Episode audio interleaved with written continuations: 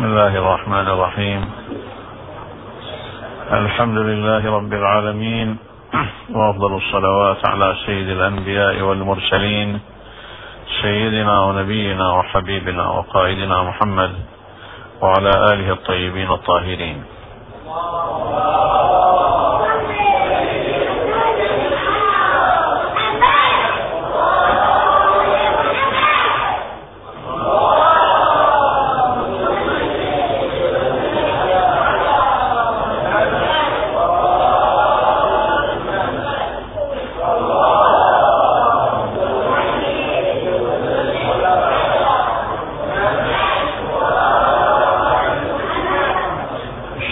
عليكم أيها الأحبة ورحمة الله وبركاته. لا يوجد شيعي إلا وهو يعيش شوق اللقاء مع الإمام المنتظر. أرواحنا فداء. إننا ننتظر هذا الظهور وننتظر اليوم الموعود. كيف نفهم الانتظار؟ كيف أيها الأحبة نفهم الانتظار؟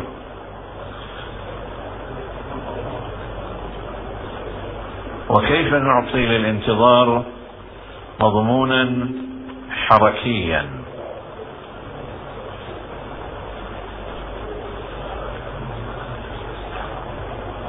لقد برزت تصورات حاولت أن تفرغ الانتظار من مضمونه الحقيقي. أشير إلى ثلاث محاولات خطيرة حاولت أن تفرغ الانتظار من مضمونه الحقيقي. المحاولة الأولى هي تلك المحاولة التي أعطت الانتظار مضمونا روحيا راكدا. شلون؟ وضح الفكرة. كيف أن المحاولة الأولى أعطت الانتظار مفهوما أو صبغة روحية راكدة؟ الآن شريحة واسعة في الواقع الشيعي في الوسط الشيعي. لا يفهم من الانتظار إلا أنه إذا ذكر الإمام يقول اللهم عجل فرجه. أكثر من هذا ما يفهم. ولا يفهم من الانتظار إلا أن يقرأ بعض الأدعية الواردة. شوف عندنا أدعية واردة مستحب قراءتها في زمن الغيبة. دعاء الندبة دعاء العهد بعض الأدعية التي تخلينا نرتبط بالإمام المنتظر. لا شك أن هذه الأدعية مهمة جدا. ولا بد أن نرتبط بها حتى يصير التحام نفسي مع الإمام المنتظر. وأنه إذا ذكر الإمام نكرر اللهم عجل فرجه. هذا مسألة جيدة جدا ومهمة. لا أريد أن ألغي قيمة ذلك ولكن هل تبقى مساحة الانتظار ضمن هذه المساحة المحدودة؟ اقرا دعاء الندبه اقرا دعاء العهد. أذكر الإمام أدعو بتعجيل الفرج. هل الانتظار يقف عند هذا الحد؟ هذا فهم تجزئي للانتظار وفهم راكد للانتظار.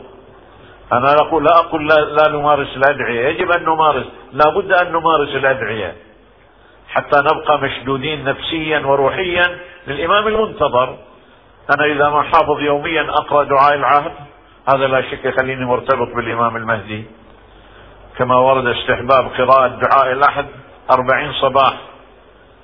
ولا شك أن الإنسان يداوم على قراءة دعاء العهد يوميا يصير عنده حالة من التلاحم النفسي الوجداني الروحي مع الإمام المنتظر. لا شك اللي يقرأ دعاء الندبة يقرأ يزور الإمام المنتظر يوميا هذه زيارة مستحبة زيارة صاحب العصر والزمان. يوميا أزور الإمام المنتظر. هذا كله جميل ومهم وضروري.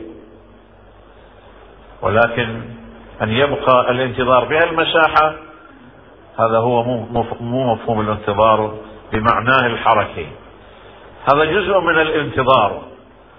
هذا جزء من الجانب الروحي أيضا من الانتظار. هذا البعد هو مفردة من البعد الروحي والبعد الروحي مفردة من الانتظار في معناه الواسع. إذا حينما نعيش حالة, حالة إنسان ما عنده شغل قاعد بس يدعو ويتمنى أن الإمام يظهر هذا مفهوم يعتبر مفهوم تجزيئي للانتظار ومفهوم يفرغ الانتظار من حركية الواسعة والكبيرة. أكو محاولة ثانية أخطر من من المحاولة الأولى وهي المحاولة التعطيلية للانتظار. شلون المحاولة التعطيلية للانتظار؟ أكو من يفهم الانتظار بأن إحنا في زمن الغيبة إحنا الآن نعيش الغيبة الكبرى.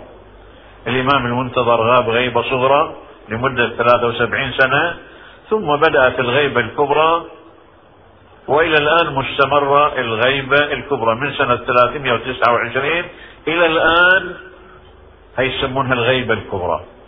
إلى أن يظهر الإمام فيملأ الأرض قصا وعدلا كما ملئت ظلما وجورا. هي المرحلة نسميها الغيبة الكبرى. هناك نظرية تقول في زمن الغيبة الكبرى يعني في زمن غيبة الإمام إحنا مسؤولياتنا تتجمد. شلون مسؤولياتنا تتجمد؟ يعني أنا مو مسؤول أنا أمر بمعروف ولا أنهى عن منكر ولا أدعو إلى الله ولا أمارس نشاط. لأن يعني هاي مسؤولية التغيير هي مسؤولية الإمام المنتظر. الإمام المنتظر راح يظهر ويغير العالم ويقيم دولة الحق. فإحنا ليش ليش نتعب الآن. فلازم نجمد كل مسؤولياتنا. لأنه ما نقدر إحنا نغير الواقع الفاسد وما نقدر نقيم دولة حق. فمسؤولياتنا الرسالية كلها تتعطل وتتجمد في زمن الغيبة إلى أن يظهر الإمام. هو اللي راح يمارس هاي المسؤوليات الكبرى. الجهاد يقف المسؤوليات الرسالية تتعطل الدعوة إلى الله تتجمد الأمر بالمعروف بالمعنى بمعناه السياسي والحركي يجب أن يتجمد. إذا بالتالي يجب أن تتعطل المهام الرسالية الكبرى في زمن الغيبة لأن هذه المسؤوليات من وظائف الإمام المنتظر مو من وظائفنا إحنا. أنا لا أقدر أقيم دولة ولا أقدر أغير واقع فاسد ولا أغير انحرافات.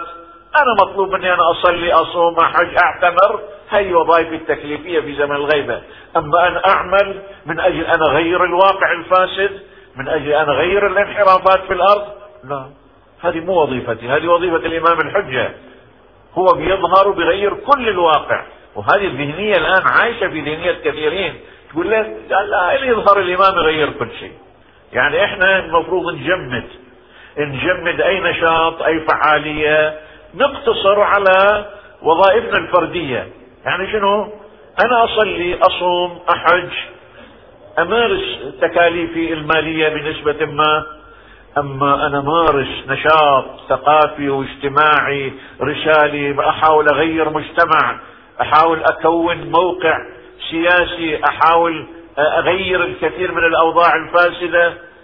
هذه مو وظيفتي الآن أنا. اذا التصور الثاني يقول لازم نعطل كل المهام الرسالية التغييرية. نتصل بالجانب السياسي. أنا مو مسؤول أن أعمل سياسيا وفق نظريتي الإسلامية. أنا ما بقدر أسوي شيء. انظمه حاكمه مهيمنه وما نقدر نسوي شيء. والإمام هو اللي راح يطلع ويغير كل هذا الواقع. السياسي والواقع الاجتماعي والواقع الثقافي هذا كله راح يغيره الإمام الحجة. فإحنا وظيفتنا أن نجمد كل مهامنا في عصر الغيبة. هذا يسمونه المفهوم التعطيلي للانتظار. يفهم الانتظار بهالمعنى. أنا أعطل. هذا فهم أيضا مرفوض. أكو فهم ثالث أخطر. للانتظار الفهم الثالث للانتظار يقول مو فقط ما امارس تكتب مو فقط ما امارس فعاليات تغييرية ما امارس نشاط اجتماعي وسياسي تغييري ما أطمح إلى تغيير لا. أنا لازم أنشر الفساد حتى يظهر الإمام. لازم أنشر الفساد في الأرض حتى شنو؟ يظهر الإمام. مو الإمام لا يظهر إلا إذا امتلأت الأرض بالظلم والجور والفساد. إذا أنا حتى أعجل بظهور الإمام. لازم ماذا أصنع؟ لازم أعمل على نشر الفساد في الأرض حتى ينتشر الفساد في الأرض حتى تتعبأ الأرض بالفساد والانحراف. ذاك الوقت بيطلع الإمام. شوف شلون اللوثة العقلية شوف الشيطان شلون يدخل لنا وغير المفاهيم اللي هي تواجه الشيطان إلى مفهوم من صنع الشيطان. الانتظار مفهوم يحارب الشيطان الشيطان يحوله من خلال التصورات إلى مفهوم يخدم أهداف الشيطان. يقول لك ما دام الحديث يقول الإمام لا يظهر إلا إذا امتلأت الأرض بالظلم والجور والفساد يعني الشرط الموضوعي لظهور الإمام هو انتشار الفساد. إحنا إذا جمدنا الفساد إحنا إذا وقفنا انتشار الفساد يعني عطلنا ظهور الإمام. إذا جمدنا إذا امرت بمعروف ونهيت عن منكر أنا عطلت انتشار الفساد. مو بس ما أمر بمعروف ولا أنا عن منكر. أنا لازم أمارس دور نشر الفساد ونشر الانحراف ونشر الظلم. حتى ذاك الوقت أقول اللي الشرط تحقق والإمام يظهر. هذه مفاهيم مغلوطة للانتظار. لا المفهوم الأول المفهوم الأول مو منحرف لكن المفهوم الأول اسوء أن أعتبره بليد. اللي يقول الانتظار بس الدعاء. نقعد وندعو. اللهم عجل فرج قائم آل محمد ونقرأ الأدعية ونزور الإمام ونسوي نذورات للإمام. بص هذه أشياء مقبولة لكن مو هو الانتظار في الدائرة فقط. والمفهوم الثاني مفهوم تخديري تعطيلي. أن إحنا نجمد كل مسؤولياتنا الرسالية في عصر الغيبة. والمفهوم الثالث مفهوم انحرافي اللي يقول إحنا لازم ننشر الفساد في الأرض حتى يطلع الإمام. هذه مفاهيم مرفوضة. اذا ما هو المفهوم الحقيقي للانتظار؟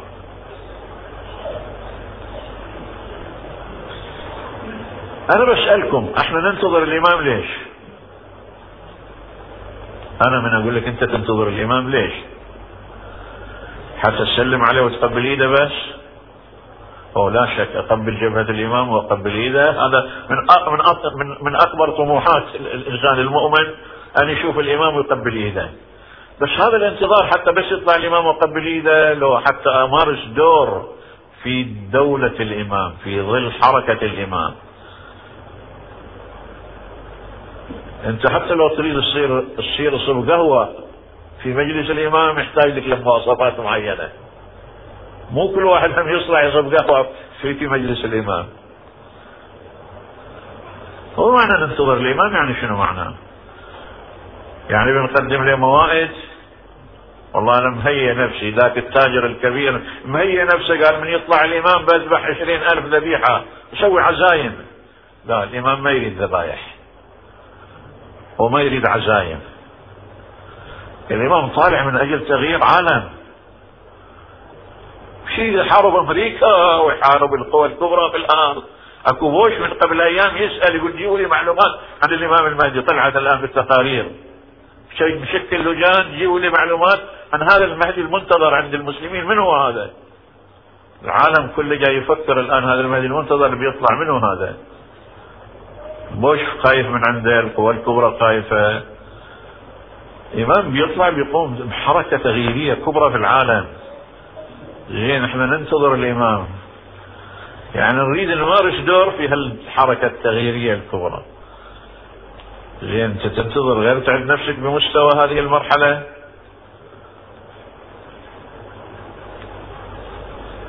الانتظار هو الاستعداد. الاستعداد الدائم لظهور الإمام. استعد بشكل دائم لظهور الإمام. المعنى ألو... المعنى العنوان العام للانتظار هو الاستعداد الدائم لظهور الإمام. بقى هذا الاستعداد شنو معناه؟ أنا الآن أستعد لظهور الإمام. يمكن يظهر الإمام يصلحه الله في ليلة. إيش معنى يصلحه الله في ليلة؟ يمكن ننام الصبح يعلن أنه الإمام ظهر ما ندري. صحيح أكو علامات عامة وأكو علامات خاصة. بس قد يفاجئ الظهور يفاجئنا مفاجأة. ما حد يعرف متى يظهر الإمام. قد ياتي مفاجأة. ما حد يدري به فإذا ماذا يعني هذا؟ يعني أن تكون مستعدا استعدادا دائما في كل أحوال ظهور الإمام. بقى شنو معنى الاستعداد؟ أنا مستعد لظهور الإمام. لو سألت سئلت الآن أنت مستعد فعلا لظهور الإمام؟ تقول أنا مستعد. شنو معنى الاستعداد؟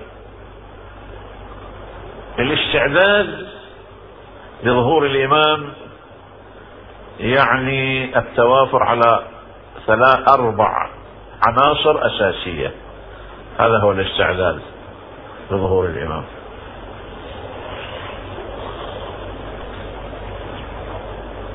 من يقول أنا مستعد لظهور الإمام أن تتوافر على أربعة عناصر أساسية تشكل الاستعداد لظهور الإمام.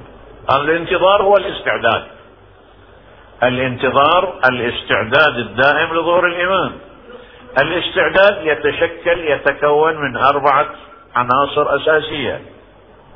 العنصر الأول بإيجاز جدا مختصر لأن مهددين من قطاع الكهرباء وما أدري بعد نصيبنا حظنا هذا جزء من الانتظار بعد نتحمل على كل. ها؟ والله هذا بعد مسؤول من اذا الانتظار هو الاستعداد يا أحبائي. الاستعداد يتك... الاستعداد لظهور الإمام يتشكل من أربعة عناصر أساسية. الاستعداد الروحي الاستعداد الثقافي الاستعداد السلوكي استعداد الرسالي. وهذا كل عنوان يحتاج لمحاضرة مفصلة. بس أنا بوجد الكلام بمختصر. الاستعداد الروحي الاستعداد الثقافي الاستعداد السلوكي الاستعداد الرسالي. إذا وفرت العناصر الأربعة أنت تعيش الاستعداد الحقيقي لظهور الإمام وإلا والله ترى حكي نبيع حكي. ونريد بس إن نلهي أنفسنا ونقول إحنا ننتظر الامام وتاليها ما ندري إحنا نكون لقد نكون من الذين الامام يصفيهم.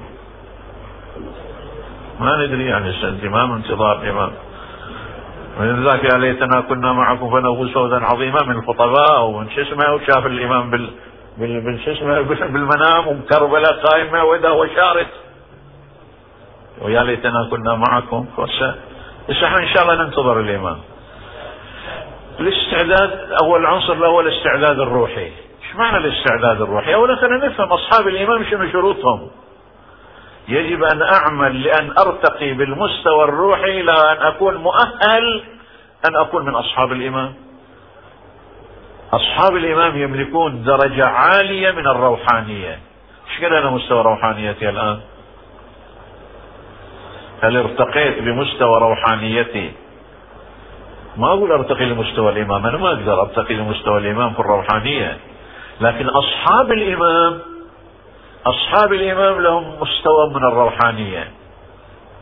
من يجي, الأحاديث تصف لأصحاب الإمام. رهبان بالليل. عباد بالليل أصحاب الإمام. أنا يمكن بالسنة ما أصلي صلاة الليل ليلة بالشهر يمكن ما أصلي صلاة الليل مرة واحدة. أصحاب الإمام لهم دوي كدوي النحل لا ينامون الليل. أنت تقول أنا أعد نفسي أن أكون من أصحاب الإمام وممكن ما بصلي صلاة الليل. ما شاء الله فينا لعل الحمد لله شباب من شبابنا اليوم من يحيون الليل. ما في ليلة ما تفوتهم صلاة الليل.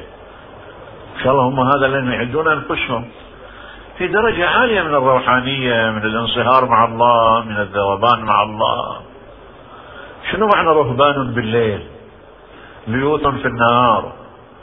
رهبان يعني عباد متهجدون. كانوا قليلا من الليل ما يهجعون وبالأسحار هم يستغفرون. تتجافى جنوبهم عن المضاجع يدعون ربهم خوفا وطمعا. ومما رزقناهم ينفقون أمن هو قانت آناء الليل ساجدا وقائما يحذر الآخرة ويرجو. هذا هؤلاء أصحاب الإيمان. انت من تقول أنا أستعد للقاء الامام يعني تعيش استعداد روحي بمستوى عالي جدا يأهلك إلى أن تكون في صف أصحاب الإمام الحجة. فمن الآن خلي يكون إذا كنت صادق أنا من الآن أبدأ استعداد روحي يتناسب مع مستوى التأهيل للقاء الإمام التأهيل لأن أكون من أصحاب الإمام التأهيل لأن أكون من من من من من, من أنصار الإمام. هذا نسميه استعداد الروحي. وهذا يفرض عليك ماذا؟ يفرض عليك برنامج روحي مكثف. مو برنامج روحي عادي. أكو يمكن الناس العاديين عندهم برنامج روحي. أنا ما أتحدث على بعض الناس اللي أصلا ما, ما عنده برنامج روحي. المفروض عندك برنامج روحي؟ مدروس؟ وبرنامج روحي مكثف إذا كنت تريد تعد نفسك لأن تنتظر الامام بس تقول لي شنو البرنامج الروحي المكثف هذا حديث. لازم تبحث. أنت مو الآن تريد تصير تعد نفسك روحيا؟ لازم تبحث شنو معنى البرنامج الروحي المكثف مو برنامج روحي عادي. أنا ما أريد أثبتكم أقول لكم إذا كلنا ما بنصير من أنصار الإمام لا. في كثير من الشباب الحمد لله في هذا العصر. من أروع ما يكون روح روحانيا وعشقا للروحانية عشقا للعبادة عشقا لصلاة الليل عشقا للانصهار والذوبان مع الله سبحانه وتعالى. موجود شباب في هذا العصر وفي الزمان. زمن الفسق وزمن الفجور وزمن الضياع وزمن الانحراف موجود مجاميع من شبابنا اليوم يعيشون روحانية عالية جدا. إذا العنصر الأول من عناصر الاستعداد لظهور الإمام لانتظار الإمام التأهيل الروحي بدرجة عالية جدا يتناسب مع مستوى أصحاب الإمام وأنصار الإمام. هذا واحد. اثنين الاستعداد الثقافي والفكري. إيش معنى الاستعداد الثقافي والفكري أن أيضا أؤهل نفسي تاهيلا فكريا وثقافيا أملك درجة من الوعي الديني والوعي الإسلامي يتناسب مع أصحاب الإمام. أنا الآن أنتظر حتى أكون من أنصار الإمام. هسه ماذا اكون من القيادة أكون من الجنود أكون من القاعدة في أيام الإمام. مهم أكون من أصحاب الإمام. أصحاب الامام مستويات من الوعي مو مستوى عادي من الوعي ما أفهم حتى الم... حتى أحكام الوضوء ما اعرفها والله أريد أصير من أصحاب الامام لازم عندي وعي ديني فقهي وعي إسلامي ناضج. وهذا يفرض أيضا أن أضع لي برنامج ثقافي مكثف. شلون وضعت لي برنامج روحي مكثف؟ أحتاج إلى برنامج فكري وثقافي مكثف حتى من خلاله أبني نفسي ثقافيا وفكريا بطريق بمستوى يتناسب والتأهيل لأن أكون من أصحاب الإمام أصحاب الإمام درجات عالية من الوعي النجباء الصلحاء الفقهاء. ومو المقصود الفقهاء يعني المجتهدين. يملكون فقه بالدين يملكون وعي في الدين. هذا أصحاب الإمام املك مستوى روحاني كبير. واملك مستوى من الوعي الديني بدرجة عالية ومتقدمة. حقق الشرط الثاني. الشرط الثالث الاستعداد السلوكي. ما معنى الاستعداد السلوكي؟ درجة عالية من التقوى ودرجة عالية من الورع. أصحاب الإمام أصحاب الإمام درجة عالية من التقوى ودرجة عالية من الورع. مو بس تصير متقي لا. درجة عالية من التقوى. التقوى مراتب. الورع مراتب. انت إذا تريد تكون من أصحاب الإمام وتنتظر الإمام مطلوب ان تكون عندك درجة عالية من التقوى ودرجة عالية من الورع. وهذا أيضا يحتاج إلى برنامج مكثف للمحاسبة وبناء النفس.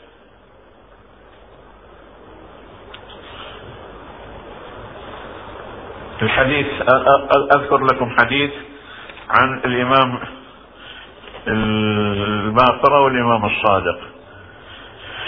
يقول من سره أن يكون من أصحاب القائم. من سره أن يكون من أصحاب القائم فلينتظر وليعمل بالورع ومحاسن الأخلاق وهو منتظر. هذا معنى الانتظار.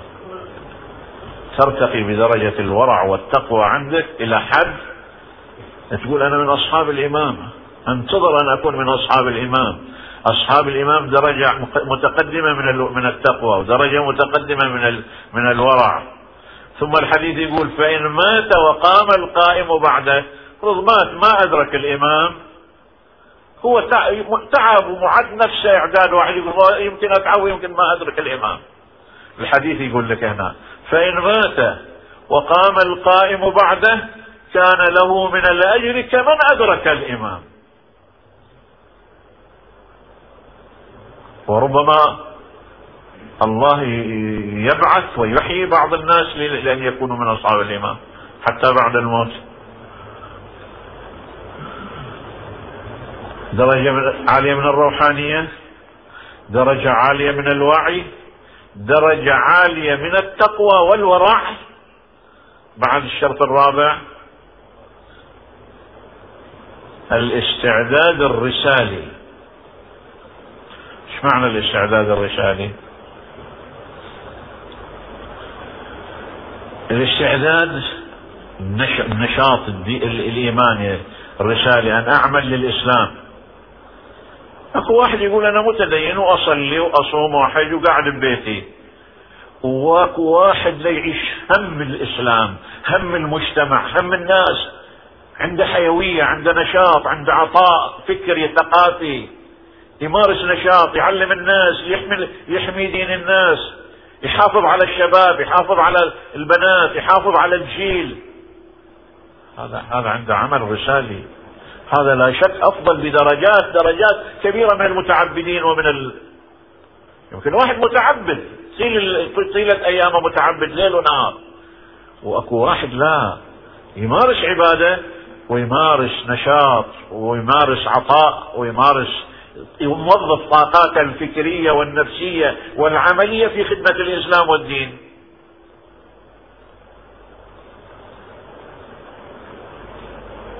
هذا استعداد رسالي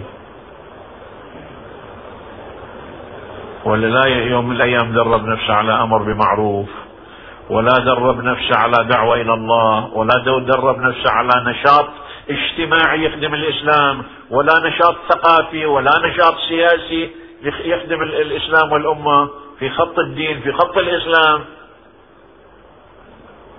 هذا ما عنده أي فعالية رسالية. الاستعداد الرسالي أن يعد نفسه لأن يكون مؤهلا. يمارس في يمارس دوره في دولة الإمام. يمارس تبليغ يمارس دولة الإمام تحتاج إلى نشاط. يعني مو كل الإمام هو بيقوم بالأعمال. يحتاج إلى قدرات يحتاج إلى كفاءات فكرية وثقافية ودعوتية وتبليغية ورسالية. فأنا من أقول أكون في دولة الإمام هو إما أن أكون قيادي. قيادي لعل 313 المذكورين من أصحاب الإمام هم القياديين. ويمكن ما أقدر أصير قيادي أنا في دولة الإمام منتظر أصير جندي مقاتل بين يدي الإمام. فما أقدر أصير جندي مقاتل بين يدي الإمام. أصير واحد من القاعدة التي تعمل تنشط داعية مبلغ نشط أعمل في دولة الإمام. وإذا أنا لا مدرب نفسي على على على عمل رسالي إطلاقا. فكيف أكون مؤهل لأن أكون من أصحاب الإمام؟ الحديث يقول عن أصحاب الإمام قلوب رجال قلوبهم كزبر الحديد. أقوياء أشداء في الله في الدين. هذا من أصحاب الإمام. ما يجاملون على باطل. ما يسكتون أمام منكر. هذا من أصحاب الإمام أنا من أصحاب الإمام مسادس جبان خائف لا أقول كلمة حق لا أمر بمعروف لا أنهى عن منكر. والله اللهم عجل فرج اللهم اجعلنا من أنصاره أنصاره حكي هذا. إذا اليوم الآن الآن ما أقدر أقول كلمة حق. الإمام بيطلع بيحارب العالم كل ذاك اليوم. بقول, بقول كلمة حق. انت في حركة الإمام تحارب العالم كل المنحرف. تعلن حرب على القوى الكبرى في العالم إذا الآن ما مدرب نفسك على كلمة حق على أمر بمعروف ونهي عن منكر. منكرات تنخر مجتمعاتنا وواقعنا وكلنا كل واحد يطالع ويشوف ما لي شغل وما أقدر أغير، صحيح ما تقدر تغير، بس عليك أن تقول كلمة الحق، عليك أن تأمر بالمعروف، تدرب نفسك. حتى تكون الجندي اللي يمارس دوره في في دولة الإمام المنتظر. يقولون ها؟ بعد عندي ثلاث دقائق. أختم بهالحديث. ما دام ثلاث دقائق أختم حديثي بهذه الرواية. الرسول صلى الله عليه وآله يقول يأتي في آخر الزمان. ينشأ ينشأ بالحديث لرسول الله. أنا لا أستطيع أن أجزم بس بعض الخطباء والمتحدثين والمحاضرين يذكرون بهذا المضمون في تغيير قليل. يأتي في آخر الزمان إخوة لي فمن أدركهم فليبلغهم سلامي. الرسول يقول رايح في آخر الزمان يجون إخوة إلي. ما ندري يمكن إحنا في آخر الزمان. محتمل يكون هذا زماننا هو آخر الزمان. يعني الزمان الذي يتصل بظهور الإمام ويتصل بيوم القيامة. هذا آخر الزمان. يظهر في آخر الزمان الإمام الحجة. وبعدين تقوم القيامة. فما يدري لعلنا إحنا في آخر الزمان. الرسول يقول يأتي في آخر الزمان إخوة لي فمن أدركهم فليبلغهم سلامي. قالوا يا رسول الله أولست خاتم خاتم الأنبياء؟ قال بلى. هم من الأنبياء؟ قال لا. قال كيف كانوا إخوتك؟ قال يأتون في زمان قد انحرف الناس فيه عن الدين. وهذا زماننا ما شاء الله انحرافات انحرافات عن الدين. يأتون في زمان قد انحرف الناس فيه عن الدين فيقبضون على دينهم. رغم التحديات ورغم الإرهاصات ورغم الإغراءات ورغم الفتن ورغم الفساد هم يقبضون على دينهم. هذا الشاب في زحمة الواقع الفاسد قابض على دينه. هذه الشابة رغم الواقع الموبوء الملوث الفاسد هي قابضة على دينها. يأتون في زمان قد انحرف الناس فيه عن الدين فيقبضون على دينهم ويجاهدون من أجل شريعتهم مو بس يقبضون على دينتهم يجاهدون يعلنون كلمة الحق يحاربون الفساد يواجهون الباطل شرطين يقبضون على دينهم ويجاهدون ينشقون أولئك إخوتي فمن أدركهم فليبلغهم سلامي. نسأل الله أن يجعلنا في هذا الخط المبارك.